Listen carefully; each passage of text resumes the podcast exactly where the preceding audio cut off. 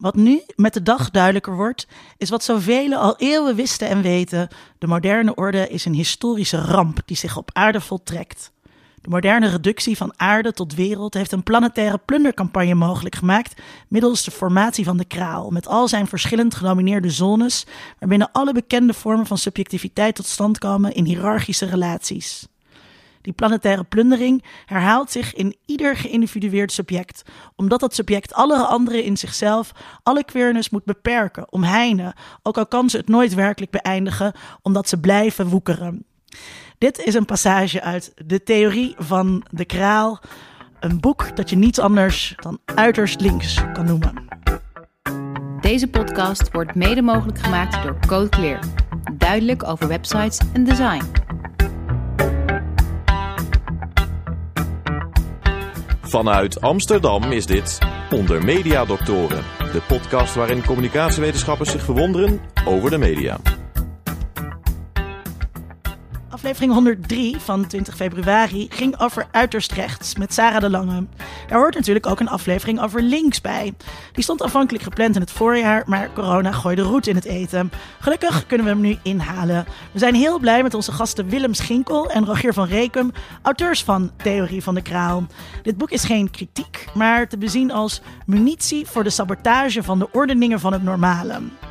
Willem is hoogleraar sociale theorie aan de UR. En uh, Rogier is universitair docent aan dezelfde universiteit. En voormalig ganggenoot van mij toen we beide promoveerden aan de UvA.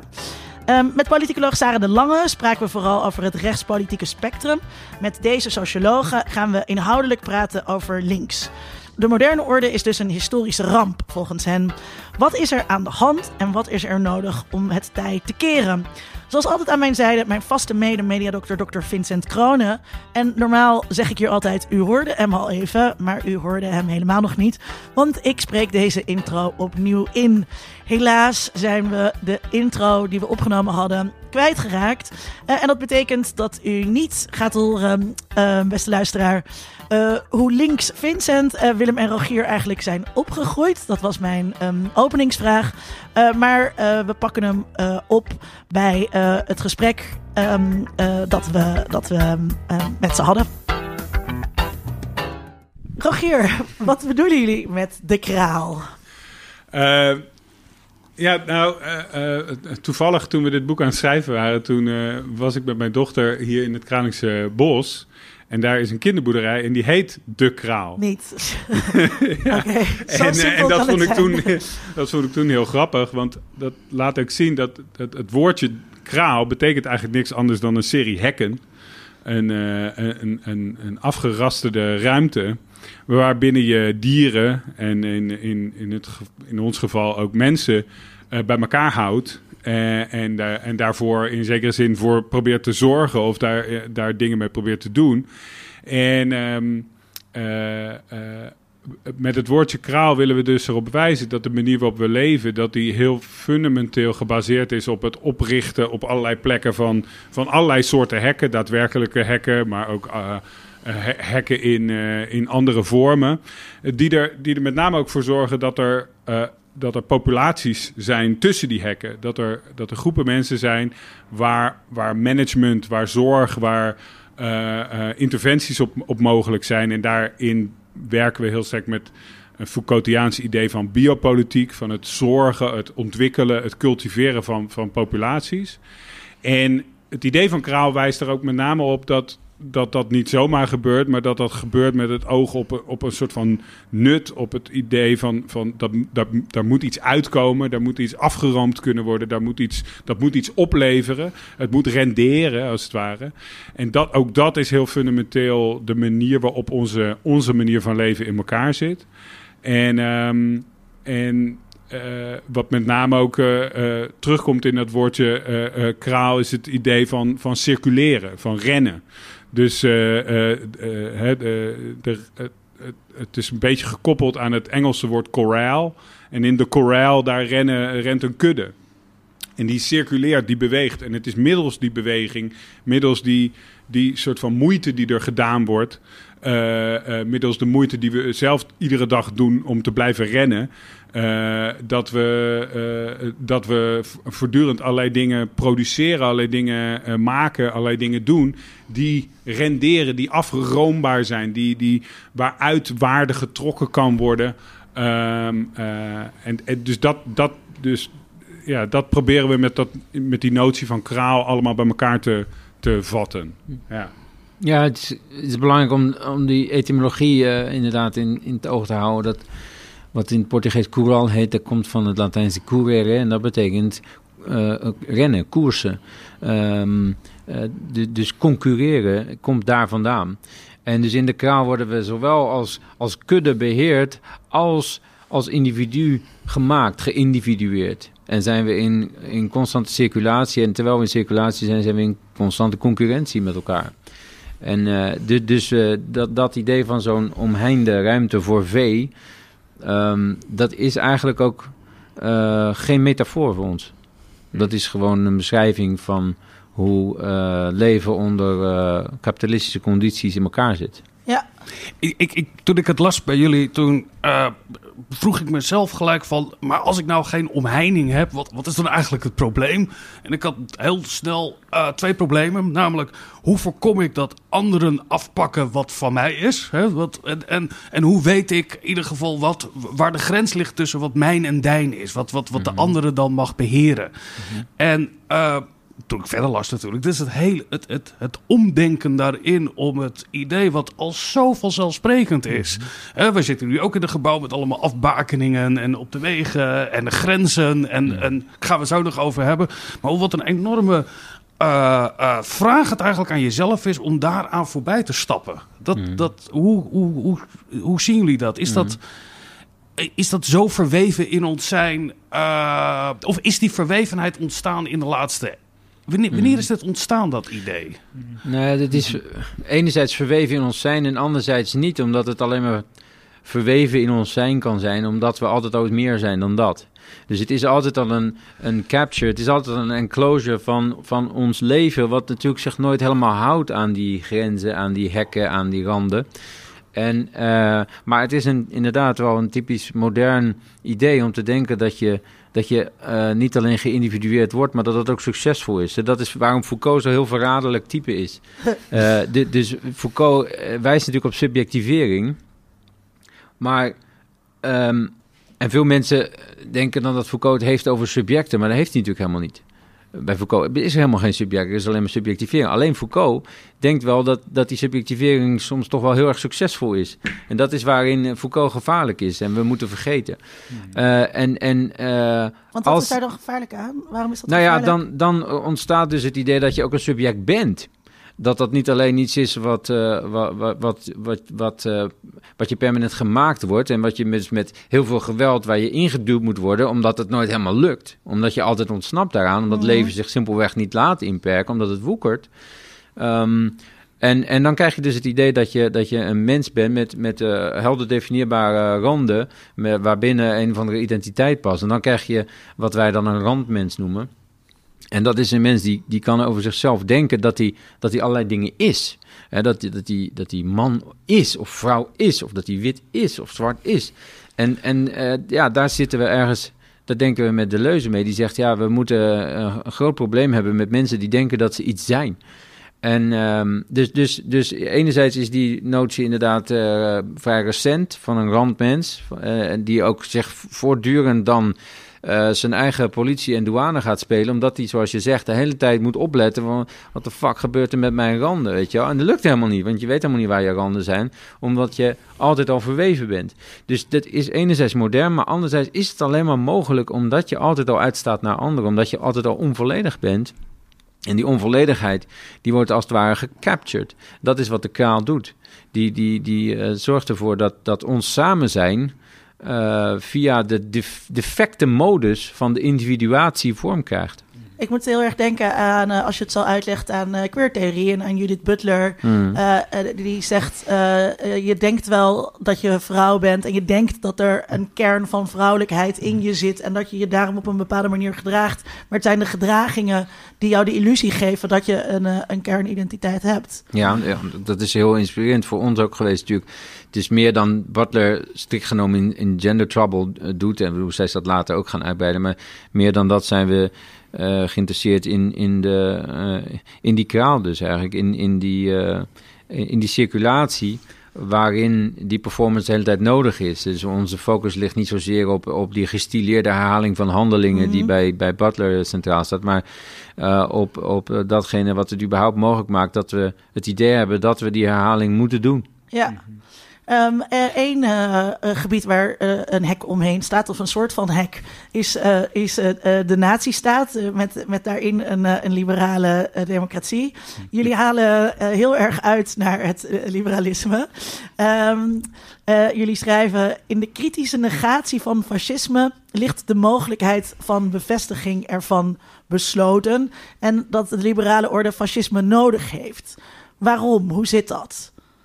Ja, kijk, daar zijn allerlei dingen over te zeggen. Maar een van de dingen die we in het boek zeggen, is dat de manier waarop de liberale orde zichzelf uh, overeind houdt, zichzelf aantrekkelijk houdt. Want een van de dingen die we wel proberen te laten zien is dat eigenlijk niemand de liberale orde op een of andere manier aantrekkelijk vindt. Iedereen vindt het, vindt het eigenlijk afgrijzelijk. Maar de enige manier waarop het aantrekkelijk gehouden wordt, is natuurlijk door voortdurend de suggestie uh, in het verschiet te zetten van ja, oké, tuurlijk, dit is ellende. Maar uh, wacht even, als je dit lo loslaat, dan, dan zijn daar een stel me mannen in zwarte jassen met allerlei hakenkruizen en enge, enge symbolen. En dan, dan is dat het alternatief. Dus de enige manier waarop, waarop datgene wat we liberale democratie noemen, op een of andere manier nog een glans te geven is, is, is in voortdurende soort van verschiet met een of ander fascistisch uh, soort van onheil. En dat is een hele fundamentele manier waarop je voortdurend mensen, met name ook politici, hoort praten. Dat moeten ze ook doen. Dus in die zin moet je medelijden met die mensen hebben. Ze moeten deze onzin de hele tijd verkopen. Want het is natuurlijk de enige manier waarop ze hun eigen handelen, hun eigen rol overeind weten, weten te houden. Dus dat is, dat is ellendig. Dus alleen al op die manier heeft, heeft liberale democratie fascisme nodig. Als een soort van uh, onheil uh, wat, wat, wat voortdurend voorkomen moet worden. Mm -hmm. um, um, maar ik bedoel, ik denk ook dat, dat een van de dingen waar we over proberen te schrijven is dat, dat, uh, um, dat een tamelijk. dat op zichzelf ook heel uitzichtloos is. Want vervolgens in, zo'n, uh, in, zo, in, in wat wij de liberale democratie uh, noemen, uh, je gaf het net zelf ook al een beetje aan, is vervolgens alsnog, en was altijd al, allerlei, er zijn allerlei zaken volstrekt noodzakelijk. Dus bijvoorbeeld dat er een, een hek omheen moet, die natuurlijk aan die randen gewoon iedere dag, as we speak op dit moment, uh, dingen noodzakelijk maken die, die simpelweg samenvallen of neerkomen op wat die enge fascisten uh, uh, dan zou, zouden willen. Ik bedoel, laten we wel wezen. het is inmiddels voor iedereen bekend dat we al decennia bezig zijn met mensen te vermoorden aan de grenzen van de Europese Unie. Dus daar aan, precies aan die grens zijn we gewoon heel dagelijks, heel zakelijk, heel, op ieder moment heel efficiënt dingen aan het doen waarvan die enge fascisten dan uh, uh, uh, het onheil zouden zijn. Maar dat onheil is natuurlijk feitelijk op een hele dagelijkse manier al, al hier. Dus ik denk dat, dat dat de twee soort van relaties zijn, als het ware spanningsverhoudingen zijn tussen, tussen liberalisme en fascisme, die we, die we in ons boek. Uh, aan de orde laten komen. Of die we, waar, we, ja, waar we dingen over proberen te, te zeggen. Ja. begrijp ik je dan goed dat we uh, fascistoïde keuzes maken met z'n allen. Tenminste, niet met z'n allen, maar dat er fascistoïde keuzes worden gemaakt. om het verhaal te kunnen vertellen dat we het fascisme daarmee kunnen afwenden. Ja, in zekere zin komt. Ik bedoel, zo belachelijk is het ja. Ja, ja bedoel, als je het kijkt, dat is het grappige natuurlijk. Dat als je dit soort van dingen gewoon heel straight. Heel simpel in een paar zinnen probeert neer te zetten, dan is het bijna ook niet. Dan is het zo zo, eh, eh, ja, zeg- noem het maar belachelijk. Ik bedoel, het gaat over hele ernstige zaken. Maar dan is het zo belachelijk dat je bijna je bek niet uitkrijgt. En dat is natuurlijk ook het probleem wat heel veel mensen in wat dan heet het publieke debat hebben. Is dat, dat als zij daadwerkelijk zouden gaan praten over wat er aan de hand is in de wereld, dan, is, dan is dat natuurlijk niet vol te houden. Want dan krijg je dit soort hele belachelijke zinnen die duidelijk maken van hoe, hoe bespottelijk onze manier van leven daadwerkelijk in elkaar zit. Dan wordt het heel snel heel pijnlijk. Ja, want het is ook nog zo, zeg maar, in de, in, in de liberale democratie, dat, dat dat fascisme eigenlijk opgestuurd wordt door, eh, doordat liberalen de hele tijd ook eh, angst voeden voor het afwezige tegendeel van fascisme. Namelijk, ja, er is een links, wat toch heel problematisch is, wat naïef is en wat de macht heeft en wat politiek correct is, et cetera. En dat links is natuurlijk helemaal niet. Eh, dus het is een soort afwezig tegendeel van fascisme, waar angst voor gecreëerd wordt. En, en wat zelf eh, ervoor zorgt dat, dat fascisten binnen de schoot van de liberale democratie eh, groot kunnen worden. Maar ja, goed, dat is op zich niet zo heel anders dan Hitler deed natuurlijk. Hè. Die, die, kwam, die kwam binnen de schoot van de liberale democratie van Weimar, kwam die, eh, kwam die op. En dat is wat nu ook de hele tijd gebeurt. En politiek gezien leidt dat tot een, een dynamiek waar je de hele tijd een soort open horizon op- rechts hebt. Hè, dus iedere keer zal er een, een stapje naar rechts gezet moeten worden. Want iedere keer is het natuurlijk zo dat als jij zegt van ja, kijk, eh, dat links is een probleem en we moeten echt wel luisteren naar de mensen. Ja? Luisteren naar de mensen is gewoon eh, eh, luisteren naar de witte mensen. En, en, en is, is dus een, een beleid dat over lijken wil gaan. Als je zegt we moeten wel naar de mensen luisteren, dan zeg je iedere keer er moet, we moeten wel een beetje geweld gebruiken.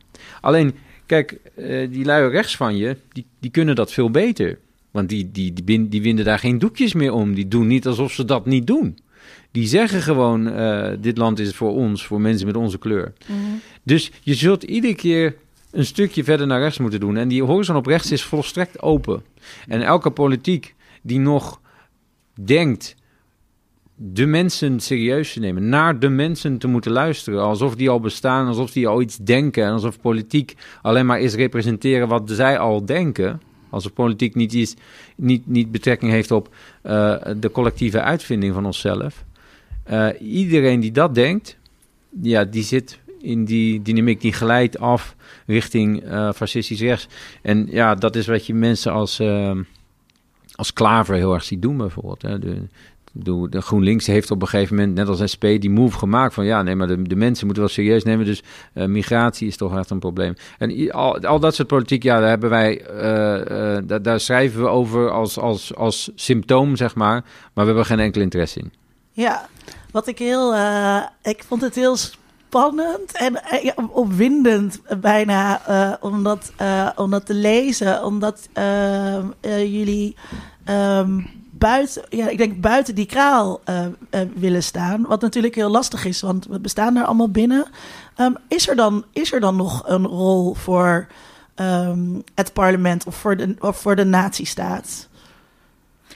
Nou, la, la- bij, la, bij wijze spreken we even bij het parlement eh, eh, beginnen. De Nee, babbel. Ja, de, babbel, de babbelbox van het, van het parlement. En dat zijn natuurlijk, ja, dat zijn allemaal beledigingen. En dat is allemaal bedoeld om, om, eh, om een beetje uit te dagen en zo. Dat is maar is allemaal ook letterlijk wat het betekent. Het parlement Nee, ja, is gewoon ja. parler. Ja, ja, tuurlijk. Ja, dus een hoop, hoop, hoop ge- ge- gebabbel inderdaad tussen, tussen mensen die, eh, die, die, die al belang hebben bij, bij hoe de wereld eh, eh, werkt.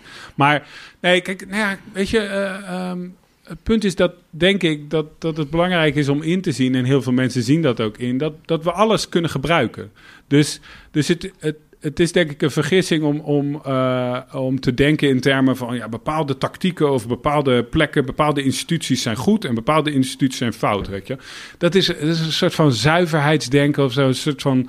Soort van eh, eh, dat, dat is zelf een, een vorm van politiek die, die eh, zichzelf helemaal klem zet. Weet je wel? Dus natuurlijk is het parlement te gebruiken. Ik bedoel, er staan camera's. Je kan daar dingen roepen, weet je wel. Alleen het punt is natuurlijk dat wat er, wat er bedoeld wordt vaak als er wordt gezegd van in het parlement iets gaan doen, dan wordt er bedoeld eh, invloed uitoefenen op het beleid. Dat, dat is feitelijk wat er bedoeld is. Dus of het beleid mede vormen of kritiek leveren op het beleid. Terwijl, terwijl wat Willem net zei was, was, kijk, waar draait het in de politiek om? In de politiek draait het om de vorming van, van publieken, om de vorming van massa's. En daarvoor is in principe natuurlijk dat parlement als mediaplek, weet je, als mediatie prima te gebruiken. Heeft ook zijn, zijn beperkingen, heeft ook, eh, weet je wel, eh, sommige dingen kun je, kun je daar niet mee. Maar natuurlijk kun je daar gaan staan en, en, en, en, en ontwrichtende dingen doen. Natuurlijk kan dat.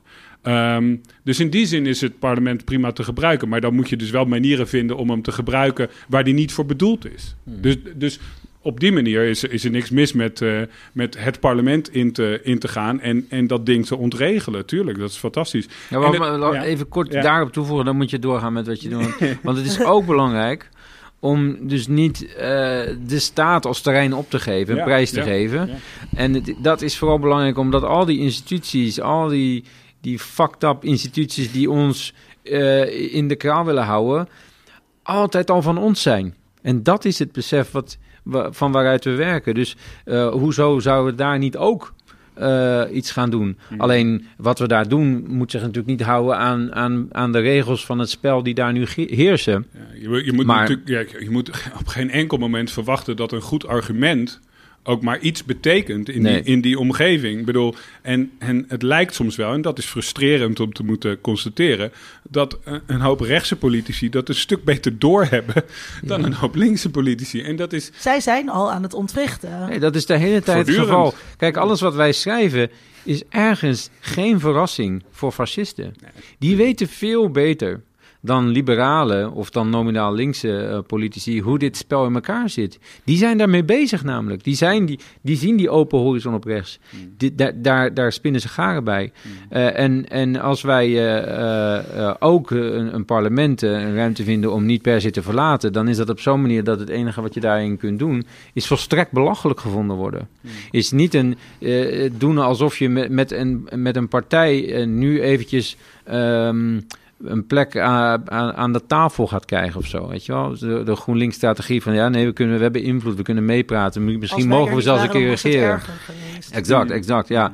Nee, dat is, dat is een heel eh, eh, funeste strategie. Maar wat je moet doen daar is, is volstrekt belachelijk gevonden worden. En waarmee? Met pure waarheid. Met puur zoals jij net eh, beschreef, Vincent. Als je het zo neerzet, ja, dan word je belachelijk gevonden. Maar waarom? Net als dat je, wat wij normaal vinden dus, is dat we zeggen, ja, ik heb vrije tijd. Het is een fucked up idee dat je vrije tijd hebt. Want wat is de rest van je tijd dan? De, baas, de basistijd. Ja, ja. Of, dat je, of dat het heel normaal is om te zeggen... eh, ja, we hebben een democratie. Maar dan ga je naar werk en dan noem je iemand baas. Dat is echt bizar, maar dat is normaal. Dus kortom, je moet belachelijk gevonden willen worden, ook in dat parlement. Maar dan, daaraan zit nog iets anders. En dat, dat zat ook in je vraag in die, over die nazistaat. En dus daar, Ja, ja nee, d- dus kijk, de, ik bedoel, in het verlengde daarvan, weet je wel, ook. eh, ik denk dat, dat eh, met name de natie als, als, als idee, als project, als, eh, als, als fenomeen is een, is, een, is een ingewikkeld iets. En ik denk ook dat, dat Willem en ik ook afzonderlijk van elkaar hebben wel daarmee in ons eigen werk ook wel een beetje zo gestoeid. Van wat moet je daar nou mee? Omdat ergens eh, als je je daarin verdiept, in, in, in wat de natie is en hoe, hoe de natie bestaat. Ergens is het moeilijk om, daar, om dat helemaal los te laten. En dat, dat, dat is ook wel te verklaren, omdat met de natie wordt toch op de een of andere manier een herinnering in stand gehouden aan een gezamenlijkheid, aan een, aan, aan een vorm van solidariteit die, laten we zeggen, onmiddellijk zijn, onvoorwaardelijk. En, en natuurlijk is het zo dat in eh, reëel bestaande natiestaten die onvoorwaardelijkheid altijd heel sterk geclausuleerd is. Niet alleen omdat er buitenlanders zijn, waarvoor die solidariteit nadrukkelijk niet het eh, geval is. Sterker nog, als die buitenlanders eh, een voet treden op onze bodem, dan, dan, dan mogen we ze bij wijze van spreken neerschieten. Ehm, eh, en, en soms niet, bij wijze van spreken. Maar, maar ook aan, aan de zogenaamd geïncludeerde zelf worden voortdurend allerlei eisen gesteld om überhaupt een beroep te kunnen doen op die zogenaamd onvoorwaardelijke solidariteit. Hè? Dus, dus, maar het herinnert wel aan, aan, aan die vorm van gezamenlijkheid en aan die vorm van politiek. Uh, ergens. En dat is toch, dat blijft belangrijk om wel, om wel uh, uh, aan vast te houden. Ik bedoel, het is niet voor niets dat ook bijvoorbeeld heel veel antikoloniale strijd zich, zich voordoet in de vorm van nationalisme. En daar zitten heel veel, bedoel, daar is heel veel discussie over en daar is, daar is heel veel over te zeggen. Maar, maar dat is niet toevallig.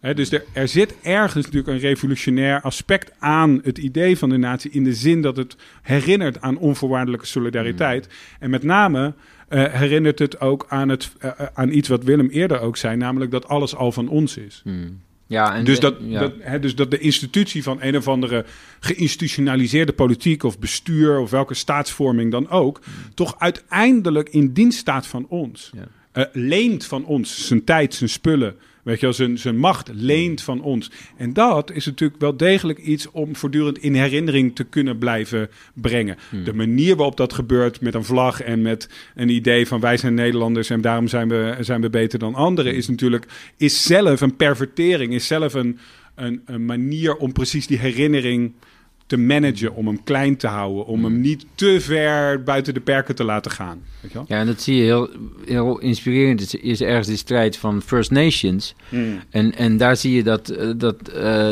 de natie heeft betrekking op grond. Hmm. Uh, en dat, dus het, voor indigenous peoples is de claim op grond heel erg cruciaal. Uh, maar, maar, en dat is ook een heel revolutionaire claim. En dat, dus, dus, en dat is een claim die altijd in potentie, ook in, in uh, vormen van, van nationalisme bij ons, zeg maar, uh, aanwezig is. Want het is eigenlijk, als je die claim op grond letterlijk neemt, is het natuurlijk zeggen, ja, die grond is van ons. en die is niet van kapitaal. Alleen, we zitten in de situatie waarin gezegd is: ja, oké, er is nationalisme en dat heeft te maken met bepaalde rechten die aan die grond op een of andere mystieke manier verbonden zijn. Maar dat overlapt met iets anders en dat is economie. Maar de radicaliteit, als je doordrukt van, van het idee van een natie, is natuurlijk: nee, nee, nee, nee, nee. Dit is allemaal van ons. Dit is de grond die van ons is. Ja. En met die grond komt ook bovendien een verantwoordelijkheid voor aarde. Hmm. Uh, dus er zit ergens wel degelijk een En heel radicaal potentieel in, in dat idee van de natie. Maar ik probeer mijn hoofd eromheen te krijgen. Uh, we, we leven in een tijd van. eh, er, is, er is machtsongelijkheid. Eh, zeker. Ik denk dat weinig mensen daarmee oneens zullen zijn. Eh, die, en we zitten in een systeem die ook nog eens een keer misschien wel bijna historisch noodzakelijk altijd richting een meer fascistoïde eh, eh, beleid zal gaan. Of een fascistoïde denken. Maar dat zijn jouw woorden, historisch noodzakelijk. Dat is niet wat nou ja, in ieder geval dat daar eh, die horizon, zoals jullie dat benoemen, dat dat wel daar naartoe beweegt. Als ik me probeer te bedenken eh, dat als je zegt, laten we al deze systemen die we hebben van bezit en, en van concurrentie, laten we dat eens een keer als een grote revolutie terzijde schuiven. Waardoor we, dan moeten we weer naar een ander soort rechtvaardigheidsprincipe toe gaan. Eh, ik ben er bezorgd over dat het nieuwe rechtvaardigheidsprincipe, wat dan eh, in werking treedt, of dat nou beter zou zijn dan wat we nu hebben. Met de aantekening dat het zeer onrechtvaardig is, dat dit eh, leidt tot bepaalde groepen die er veel meer baat bij hebben dan andere groepen. Maar op het moment dat je al die systemen overboord gaat gooien, wat krijgen we er dan voor in de plaats? Ja, ja kijk, mijn, mijn acute reactie is...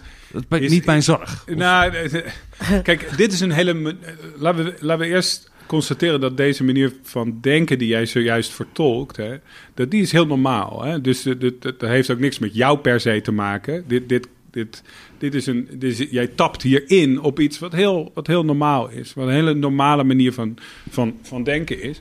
En, en mijn acute reactie daarop is, is om allereerst even erop te wijzen dat jij... eh, door dat zo te vertolken, heel erg bezig bent met verbetering. Dus er, is voortdurend het idee van, ja, kijk, oké, dus eh, de, die liberale democratie die mag mij wel worden afgepakt in een of andere collectieve eh, eh, eh, revolutie, bij wijze van spreken. Maar dat, dat vind ik dan alleen een goed idee als ik er iets beters voor in de plaats krijg. Ja, maar jullie, jullie bekritiseren ook het systeem Ja. om de onrechtvaardigheid ervan. Dus op het moment dat je dat eh omverwerpt Ja, in jouw woorden, ja. dan zit de verbetering in minder onrechtvaardigheid. Ik, ik denk dat, dat, dat iemand die praat over verbetering, die heeft nog niet helemaal voldoende, denken wij in dit boek. En, en andere mensen, bedoel, wij, wij, wij leren dat van andere mensen. Die heeft nog niet helemaal begrepen in welke situatie dit, die daadwerkelijk zit. Namelijk de, de situatie waarin we zitten is dat we in rap tempo uh, de, de, de leefbaarheid van, van uh, de aarde uh, überhaupt aan het vernietigen zijn. Dus de, de, het, het, het, mijn acute reactie op deze manier van praten is: je hebt nog niet. Je hebt mensen die dat volhouden, die zijn er nog niet helemaal aan toe om, om te realiseren dat, we, dat er geen sprake meer gaat zijn van verbetering. Dus, dus het, is, het is zaak, en dat is het aanbod, denk ik, dat wij, dat wij in navolging van een hele hoop andere mensen proberen te vorm te geven ook, is, is um, het, het is echt nu zaak om af te stappen van, van ideeën over verbetering. En het, het is zaak om, om na te gaan denken over hoe kunnen wij allereerst doen aan, aan beperking van de schade die we sowieso zullen blijven doen, gezien de hele manier infrastructureel waarop onze manier van leven in elkaar zit. Dat ten eerste, dat is acuut voor de volgende 50 jaar. En hoe kun je vervolgens gaan bewegen naar een manier van leven die geen verbetering meer nodig heeft? Die niet over zichzelf hoeft te na te denken, die niet zichzelf hoeft te kalibreren middels het idee van verbetering. Want, en dat is denk ik wat we in het boek proberen te laten zien, die manier van leven die zichzelf kalibreert, die de hele tijd die vraag stelt van oké, hoe kunnen we dit verder optimaliseren? Waar heeft die toe geleid? Je, kan het, je kan het zien om je heen. Die heeft, die heeft in, in onze taxatie, en nogmaals niet alleen die van ons, die heeft ertoe geleid dat we, dat we nu in, in, op industriële manier in staat zijn om onze levenssfeer kapot te maken.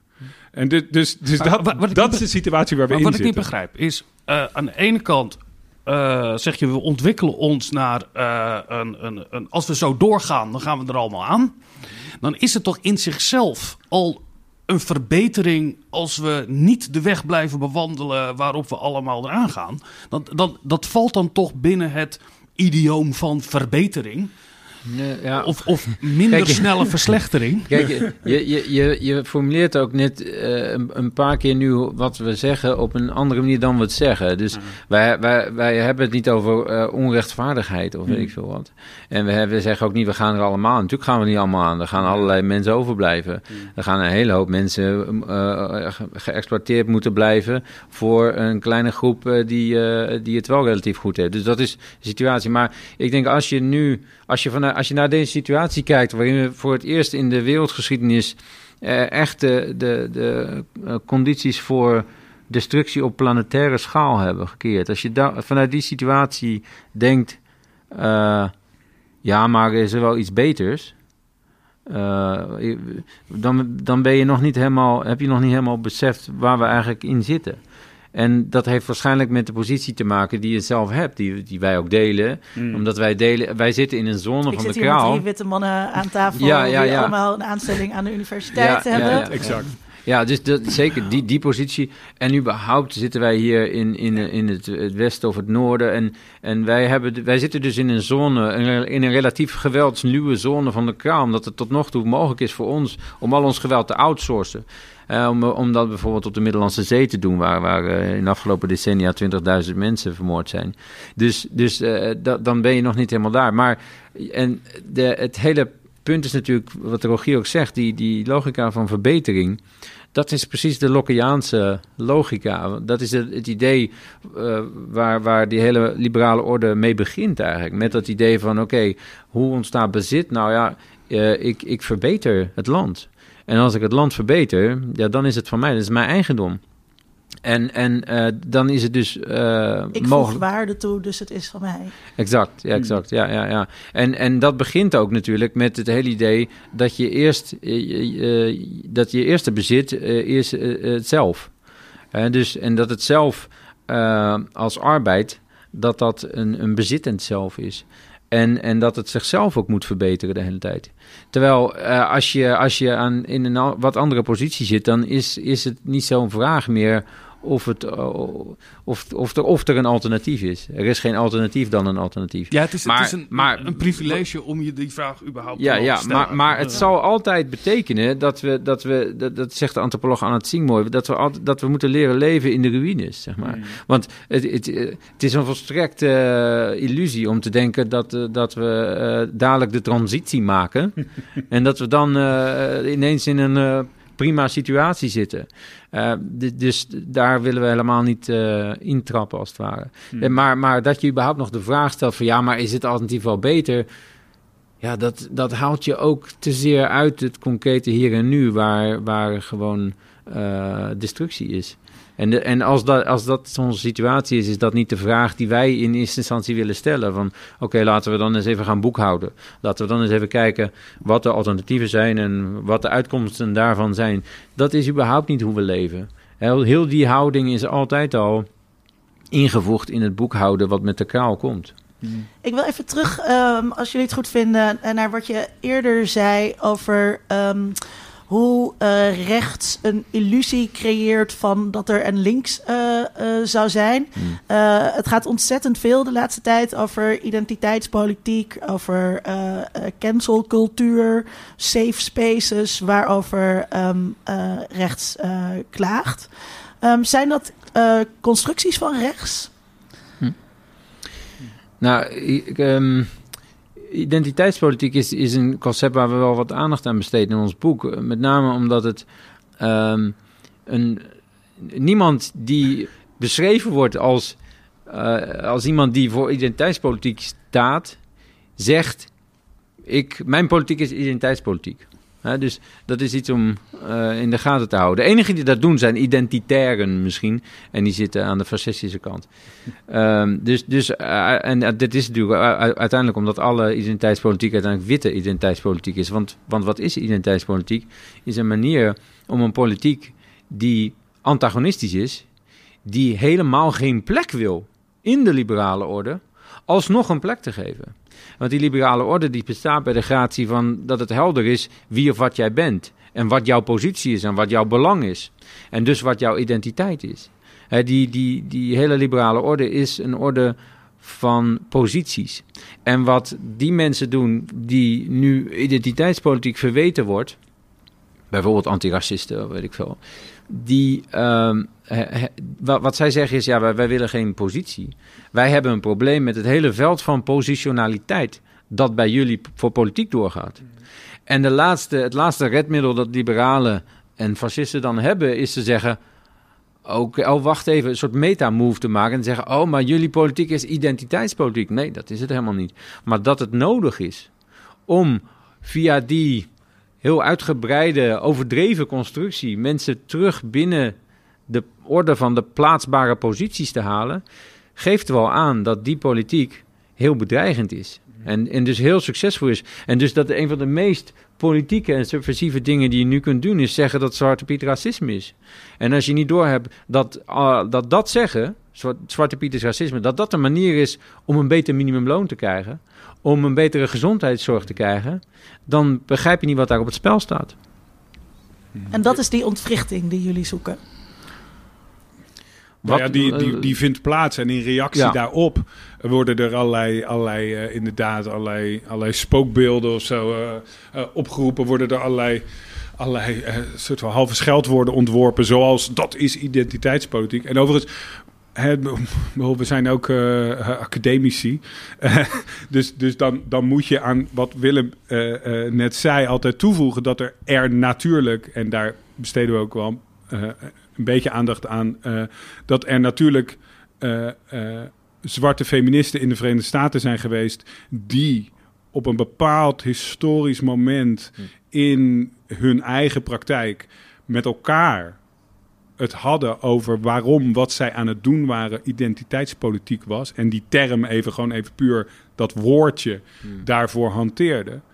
Um, uh, maar uh, laten we wel constateren dat 99,9% van de, de zogenaamde discussie die er gaande is over zo'n term, daar helemaal niks mee te maken heeft, hmm. ten eerste. Daar ook eigenlijk helemaal geen weet van heeft daar niet in geïnteresseerd is, daar op geen enkele manier uh, uh, daadwerkelijk mee bezig is. En waar dat wel zo is, waar dat wel, uh, wel zo is, gaat, gaat alsnog op wat, wat Willem net zei. Namelijk dat precies die politiek die die specifieke zwarte feministen ont, hebben ontwikkeld en, en, nog, en daar nog steeds mee bezig zijn en mensen, andere mensen hebben beïnvloed, dat inderdaad een politiek is waar met name liberale enorm zenuwachtig van, wordt, van worden, enorm ongemakkelijk van worden, niet weten wat ze daarmee moeten en dan dus beginnen te fulmineren. Dit is geen, geen normale politiek, dit is identiteitspolitiek, terwijl onderwijl datgene wat ze zelf voorstaan, natuurlijk altijd gepredikeerd is op identiteiten. Altijd nodig heeft dat er een duidelijk verschil is tussen wiens belangen worden hier meegenomen en wiens belangen, belangen nadrukkelijk niet. En dat, hè, dat is wat Willem net zei, alle identiteitspolitiek is witte identiteitspolitiek. Dus, dus Ja, ook, en ook dat nog eens een toe te keertje. voegen, is heel belangrijk. Die, die, die feministen die noemt, die, die komen uiteindelijk uit het eh eh eh, Combahee River Collective. En wat zo interessant is daaraan, is dat wat zij dan claimden als identiteitspolitiek, was een politiek van allianties, Ja. eh, van coalities. En, en eh, dus wat eh, eh, nu vaak gezegd wordt, oh, oh, dat is identiteitspolitiek, is ja, die mensen sluiten zich op in hun identiteit. En dat verre daarvan was, was aan de hand. En, en precies omdat het dat niet was, precies omdat het een antagonistische coalitie tegen de liberale orde was, precies daarom is het zo gevaarlijk en moet het onge- on- ongevaarlijk gemaakt worden door te doen alsof mensen zich in fictieve identiteiten opsluiten. En kijk, eh, laat ik nog één ding zeggen. Kijk, liberalen kunnen het niet laten om zichzelf te verraden. Hè? Dus ze kunnen het Ja. niet laten om, om, om, te, om eigenlijk te laten zien wat ze daadwerkelijk zeggen. Alleen dat hebben ze zelf eh, maar half door. Dus wat zeggen liberalen, liberale intellectuelen in allerlei kranten? Weet je wel? Wat zeggen ze dan over identiteitspolitiek? Dat is particularistisch. Eh, dat, is de, dat is eigenlijk de, de, vaak de kern van het verwijt. Dat splijt. Dat, dat deelt mensen op. Maar wat zeg je? Het is zo hilarisch eigenlijk. Dat je het durft af te drukken in een krant is eigenlijk bizar. Want wat zeg je als iemand zegt: Wacht even. eh, deze manier van leven kan niet met mij omgaan, moet mij kapot maken, moet mijn, mijn waardigheid ontkennen. Wat zeg je als je daarover zegt dat is particularisme? Dan, dan zeg je dus het feit dat onze manier van leven bijvoorbeeld racistisch en seksistisch op alle manieren gewelddadig is voor jou, interesseert mij niet, is niet voor mij een, een, een een of ander universeel of gedeeld idee van politiek.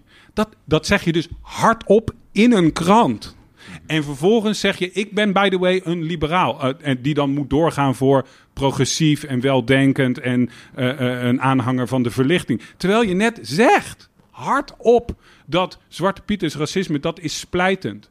Maar dat is toch alleen splijtend als je rabiaat racistisch bent in, in je daadwerkelijke commitments aan hoe je met andere mensen wil omgaan. Dus het is, het is heel grappig hoe in die hele discussie rondom identiteitspolitiek liberalen volkomen het achterste van hun tong laten zien. Namelijk dat, dat uiteindelijk, als het erop aankomt, zij natuurlijk altijd zullen luisteren naar de mensen. Dat wil zeggen, het, eh, de, de, de witte eer zullen verdedigen voordat ze eh, hun, hun commitment zullen, zullen verschuiven naar mensen die daadwerkelijk a- aan bijvoorbeeld antiracisme willen doen. Dat maken ze gewoon heel erg duidelijk. Dat Ja, dat en, hun, en, hun, en hun daarbij is het ook nog zo dat, dat die liberale positie zo heel ondankbaar is. Hè? Want, Ondankbaar? Ondankbaar, want, want eh, wat, kijk, diegene die, waarvan gezegd wordt dat is identiteitspolitiek, wat doen die? Die zeggen wij bedrijven politiek vanuit de specifieke manieren waarop wij kapot gemaakt worden. En dus ze worden kapot gemaakt en dat erkennen ze. En dat is een reden om politiek te bedrijven.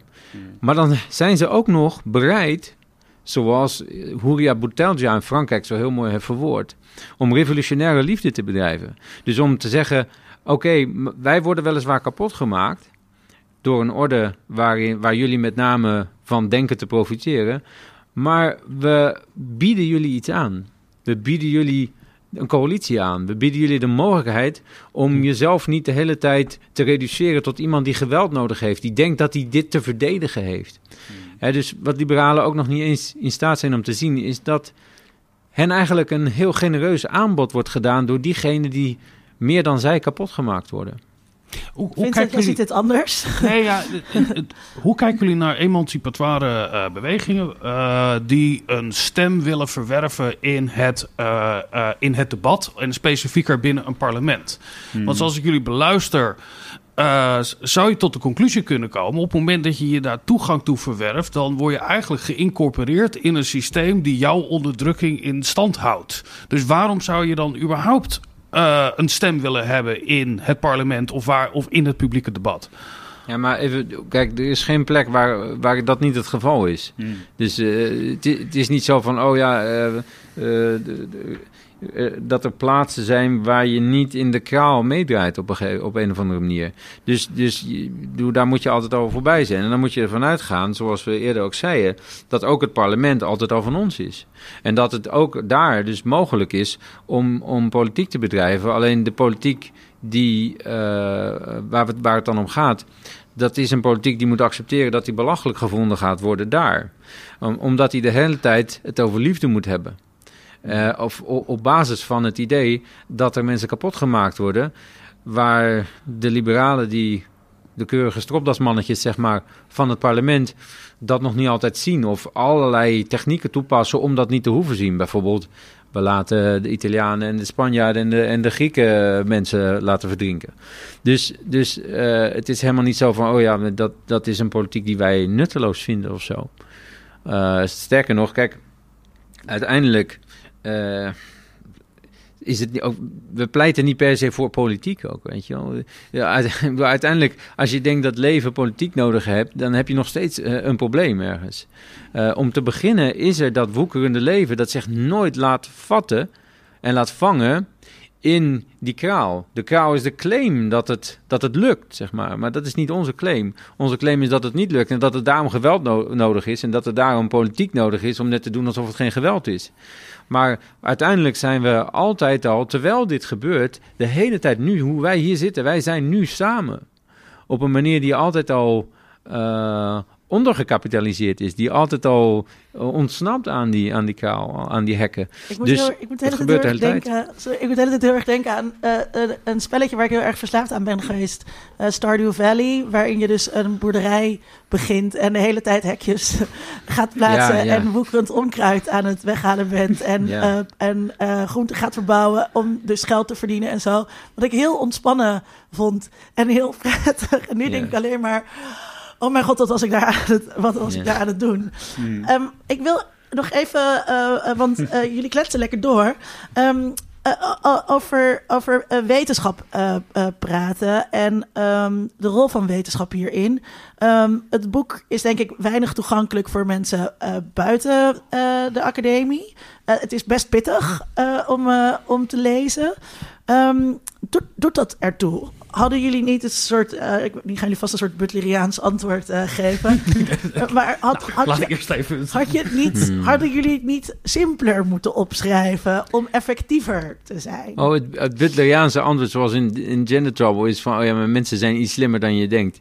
Ja, dat, dat is zeker iets wat ik graag zeg, maar... En ingewik- maar- ingewikkelde materie vereist een ingewikkeld Ja, antwoord. ja maar. nee, zeker. Maar, maar, maar laten we even bij, gewoon bij de platte empirische constatering beginnen... dat, dat de meeste mensen die dit wel een interessant boek vinden... niet in de academie zitten. Dat is onze ervaring in ieder geval. Dus, dus wij eh, hebben bijvoorbeeld in Rotterdam eh, gesproken in de Pauluskerk... voor een volle zaal van allemaal niet-academici. en, en het is niet zo alsof wij hier op deze universiteit... eh, deze, deze uit, uitermate corporate plek... van waaruit de kraal mede gemanaged wordt...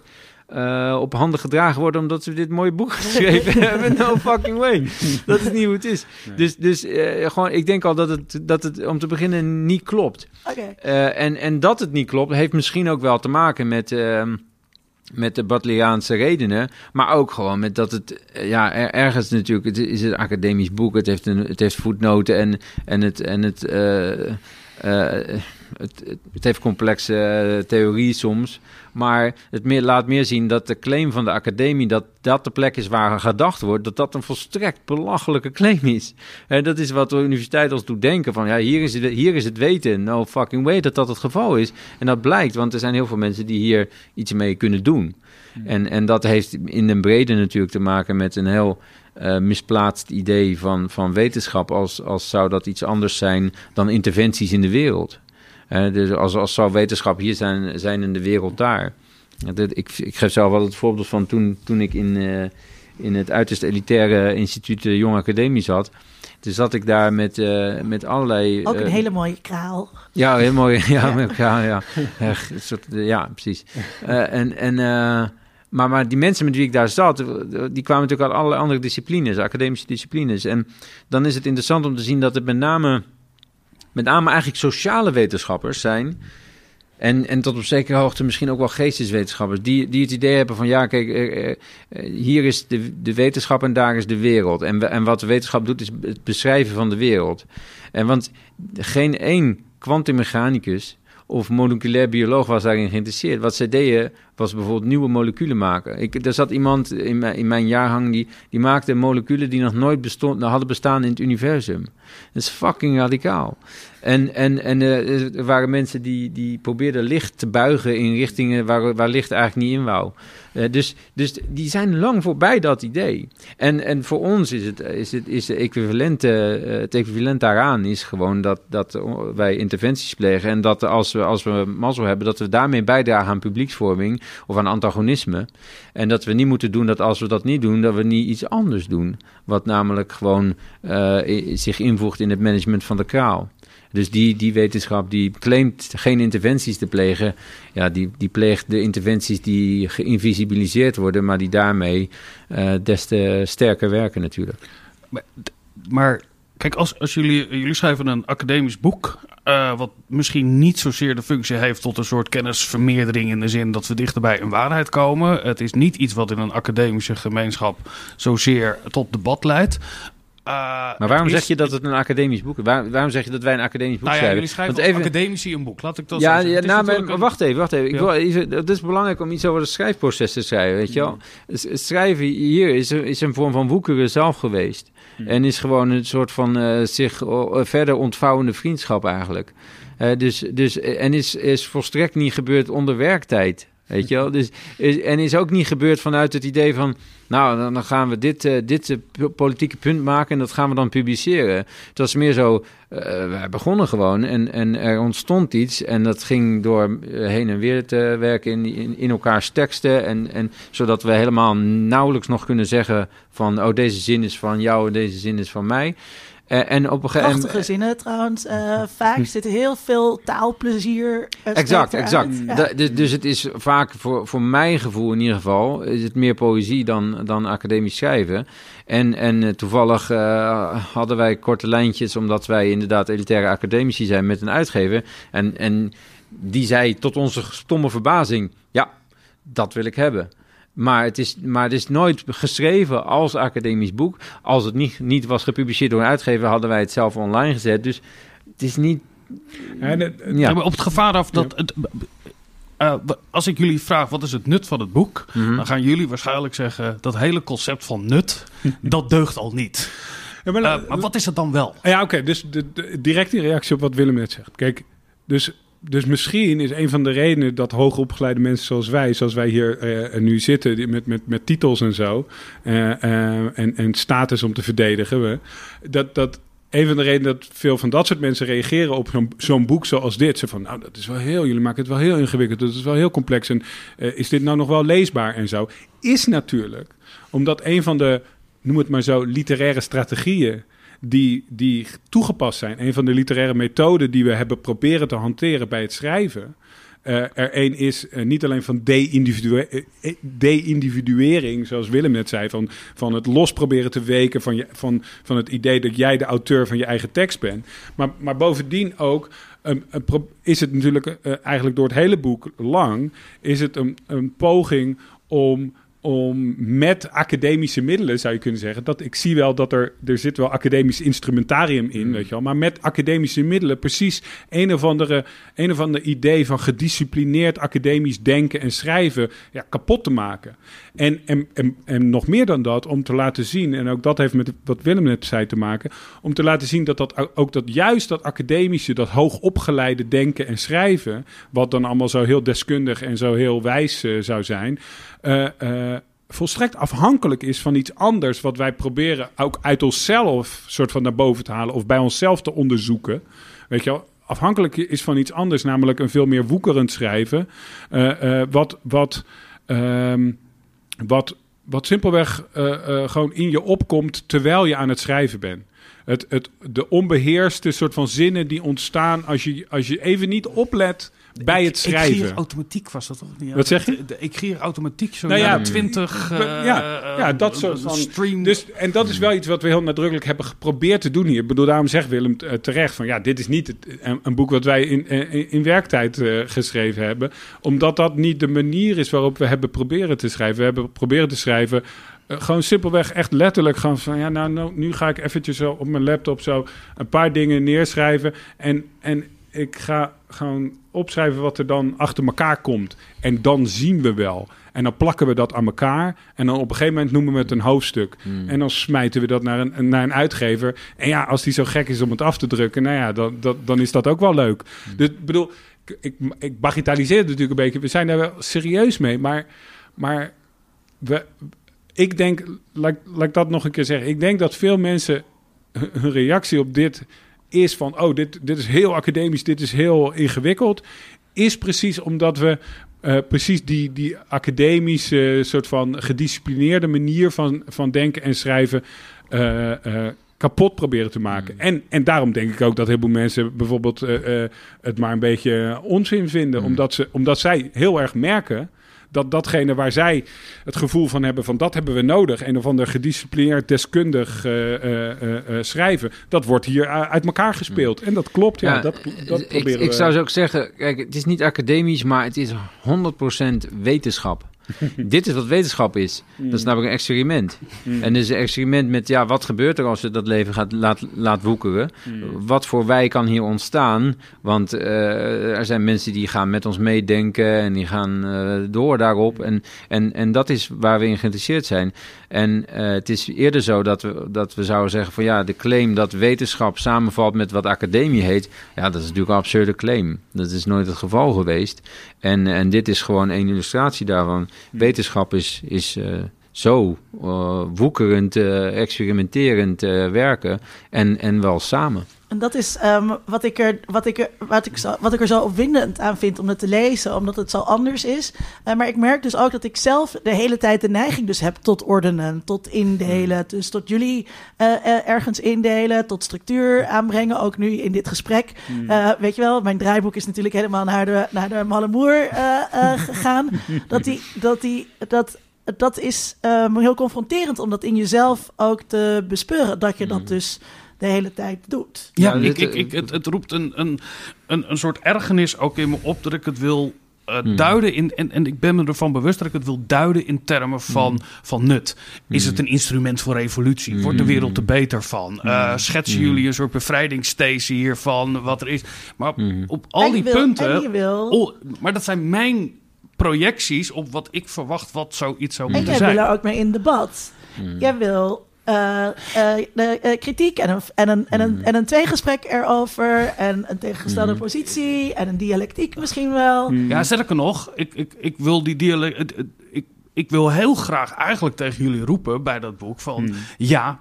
Maar hoe moet het dan? Mm. Hè? Wat, wat, wat, waar staan we dan voor? En is het zo dat op het moment wat we het eerder over hebben, als we het helemaal anders doen, wordt het dan wel beter? Nee, maar kijk, al die dingen zijn ons natuurlijk niet vreemd. Hè? Bedoel, wij, wij, zijn niet een van de uh, rare nee. wezens die dit allemaal niet hebben. Maar, maar het, het, het interessante eraan is dat het, dat het voor een deel voorkomt uit, uit precies deze confrontatie uh, die jullie hebben met wat wij schrijven, die wij hebben met wat anderen weer schrijven. Dus uh, wat, als ik, ik noemde eerder Liane Simpson, zo'n indigenous scholar, als je, als je dat leest, dan, dan kan je dat ook hebben. Dan kan je, maar waar, waar stuit je dan op? Dan stuit je op de fascist in jezelf. Want de fascist in jezelf is degene die al die anderen eronder moet houden. En die moet doen alsof jij maar één bent. Alsof jij een randmens bent. En, en dus het is heel productief, denk ik, om die irritatie en die frustratie gewoon lekker te laten sudderen. Lekker te laten woekeren. Ja, en, en, en vervolgens ook om dat niet in je eentje te doen, maar, maar om, om uh, uh, samen met anderen je daarover te, te ergeren. Maar niet te ergeren in die zin van, uh, ja, kunnen we even antwoord krijgen, want dan wil je gewoon bediend worden. En we zijn geen fucking restaurant hier, hè? nee, dat, dat, dat, ik zat ook te denken, hè, zijn jullie een stelletje filosoof koningen die de grot indalen om ons allemaal te vertellen dat het schimmen op de muur zijn? Wie zijn jullie nou helemaal eigenlijk om dit perspectief te delen. Hè? Als je het dan toch vindt, je mag het vinden, je mag het denken, mm. uh, schrijf het aan elkaar, maar waarom geef je het dan nog uit? Waarom moeten anderen dan daar nog kennis van nemen? Mm -hmm. wat, wat, wat, waarom dan? Ja, zoek het lekker zelf uit. Ja, Ja, precies. Ja. dat- Ja, dat is, kijk, want het, dus, dus in, in dit, ja, het is bijna te, de, wel, het, het is natuurlijk niet een genre of zo, maar, maar, maar ik, ik noem het even een genre omdat er natuurlijk wel degelijk eerder eh, in de geschiedenis mensen zijn die, die, die teksten hebben geproduceerd zoals, zoals dit in, hè, op, op, op, op een gede-individueerde manier. En, en niet meer zo heel erg bezig zijn met waar gaat dit over, maar gewoon maar te zien van ja, waar komen we op uit? En dan, en dan doe je uitvindingjes en dan doe je experimentjes. En dat zet je bij elkaar en dat, dat doe je een kaft omheen en dan, dan geef je het uit, weet je wel. En de bedoeling daarvan is, is en is bijvoorbeeld, zoals bijvoorbeeld eh, eh, een voorbeeld daarvan, en Guattari eh, hebben dingen geschreven die op die manier in elkaar zitten. En wat zij dan bijvoorbeeld zeggen is, kijk, de tekst is een machine. En dat wil zeggen dus, je je bent niet de tekst aan het lezen, weet je wel. De tekst is, ik bedoel, tuurlijk, jij bent aan het lezen, maar, maar terwijl je dat aan het doen bent, is de tekst dingen aan het doen met jou. En ja, dat, eh, dat is, dat is eh, in zekere zin eh, spannend. Weet je? Dan, dan aan het einde van dat proces zijn er dingen gebeurd. De, het grootste gedeelte daarvan heb je helemaal niet bewust geregistreerd. Is ook helemaal niet nodig. Is ook helemaal niet de bedoeling. Je, je kan ook helemaal niet hervertellen wat je nu geleerd hebt of zo. Wat je hebt opgestoken of zoiets. Weet je, dat is helemaal niet de bedoeling. Er zijn gewoon dingen gebeurd. En jij gaat nu de rest van je leven wel zien wat dat dan, wat dat dan is, wat er nu gebeurd is. En misschien is er wel gebeurd dat jij gewoon heel geïrriteerd bent eh, ge- geworden. Weet je. Dat kan, maar dat is niet aan ons. Weet je, Ja, dat je moet je zelf Maar uitzoeken. maak je jezelf dan niet ook onkwetsbaar voor kritiek op deze manier? Dat Ja. je bij alles zegt, ja, Dat klopt, ja. weet je, moet je lekker zelf weten, eh, lees je het lekker niet, Ja. het is voor mij niet Kritiek belangrijk. is een perfect gebureaucratiseerde vorm van kraaldenken, Vincent. Ja, Ja, nee, Dus- kijk, eh, maar dan win je altijd. Nee, nee, nee. maar- Maar, maar wij wij, zijn niet aan het nee, maar we, we zijn niet, aan- we zijn, kan een- helemaal niet winnen. we, zijn- Maar dat, we zijn niet bezig met een of andere oorlog. Als jij Nee. een- aan ons een oorlog op wil leggen, is jouw probleem. Ja, Maar, maar eh, kijk, die heb je dan bij deze ik denk, verloren. Eh, op een fundamentele manier maken we ons wel erg kwetsbaar natuurlijk. Want, eh, ik bedoel, laat ik voor mezelf spreken, ik word met regelmaat geridiculiseerd en, en, en bedreigd en weet ik veel wat. Dus het is niet alsof je, alsof je dan niet kwetsbaar bent. Maar op een andere manier is het ook zo van... Kijk, wat Rogier net zegt is, is eigenlijk dat je als lezer ben je een tekstverwerker. Hè? Je bent de tekstverwerker. Ja. En, en, maar eh, in, in zekere zin is het natuurlijk zo. Je hebt het de hele tijd over on- on- ons boek nu en alsof dat een heel ander genre is. Maar tegelijkertijd is Hmm. elk boek van die genre. Ja, ja, tuurlijk. Want in elk boek zitten die gekke, woekerende eindjes... die de auteur niet in, in de orde van het boek heeft weten te krijgen. En die in de wetenschap vaak dichtgestopt worden met referenties of weet ik veel wat. Maar het is niet alsof dat, dat, eh, eh, dat normale schrijven... alsof dat niet eigenlijk woe- woeker is. Dat is eigenlijk eh, voor mij ook een heel fundamenteel punt om, om te begrijpen... dat wat wij woekeren noemen staat niet tegenover het ordenen. Het ordenen is een modaliteit van woekeren. Ordenen kan alleen maar omdat er iets woekert. En ordenen faalt natuurlijk altijd, want het woekeren woekert verder. En, en dus eh, wat wij eh, doen is, is in zekere zin alleen maar ons, ons proberen... Kijk, op allerlei manieren lukt ons dat ook niet... maar ons proberen ons te onttrekken aan de neiging om te ordenen. En om, meer, om, om het schrijven meer te laten woekeren... dan normaal gesproken toch altijd al het geval is. Ik zou jullie heel graag willen laten doorwoekeren, maar ik moet toch deze boel eh, eh, ordenen. Normaal gesproken gaan we aan het einde van een aflevering altijd een vraag beantwoorden, wat ook weer een vorm van eh, structureren en mensen oproepen om ons geld te Dat geven. gaan- dat, dus dat, ga- ook dat gaan we gewoon eh, niet doen. Nee, ik, ik zet gewoon het hekje eh, hier neer. Eh, dit was aflevering 129 van de podcast Onder Mediadoktoren. Gemaakt door mij, Linda Duits. En eh, naast mij mijn vaste mede-mediadokter, Dr. Vincent Kronen. Super veel ja, dank aan bedankt. onze gasten. Ik vond het mega interessant en ik wil hier nog duizend meer over horen. Ik ga terugluisteren en dan ga ik het nog een keer over Ga je, nadenken. ga je ja. er nog een keer over nadenken. Dank aan onze patroon Matthijs van Lisdronk die ons geld geeft. Wil je ons ook geld geven? Kijk dan eh, op patreon.com slash eh, media, onder mediadoktoren. Volgende keer hebben we Mirko Schaefer te gast en gaan we praten over dataficatie. Tot dan! Tot dan. Onder Mediadoktoren is een podcast van Vincent Kronen en Linda Duits. Meer informatie vindt u op ondermediadoktoren.nl.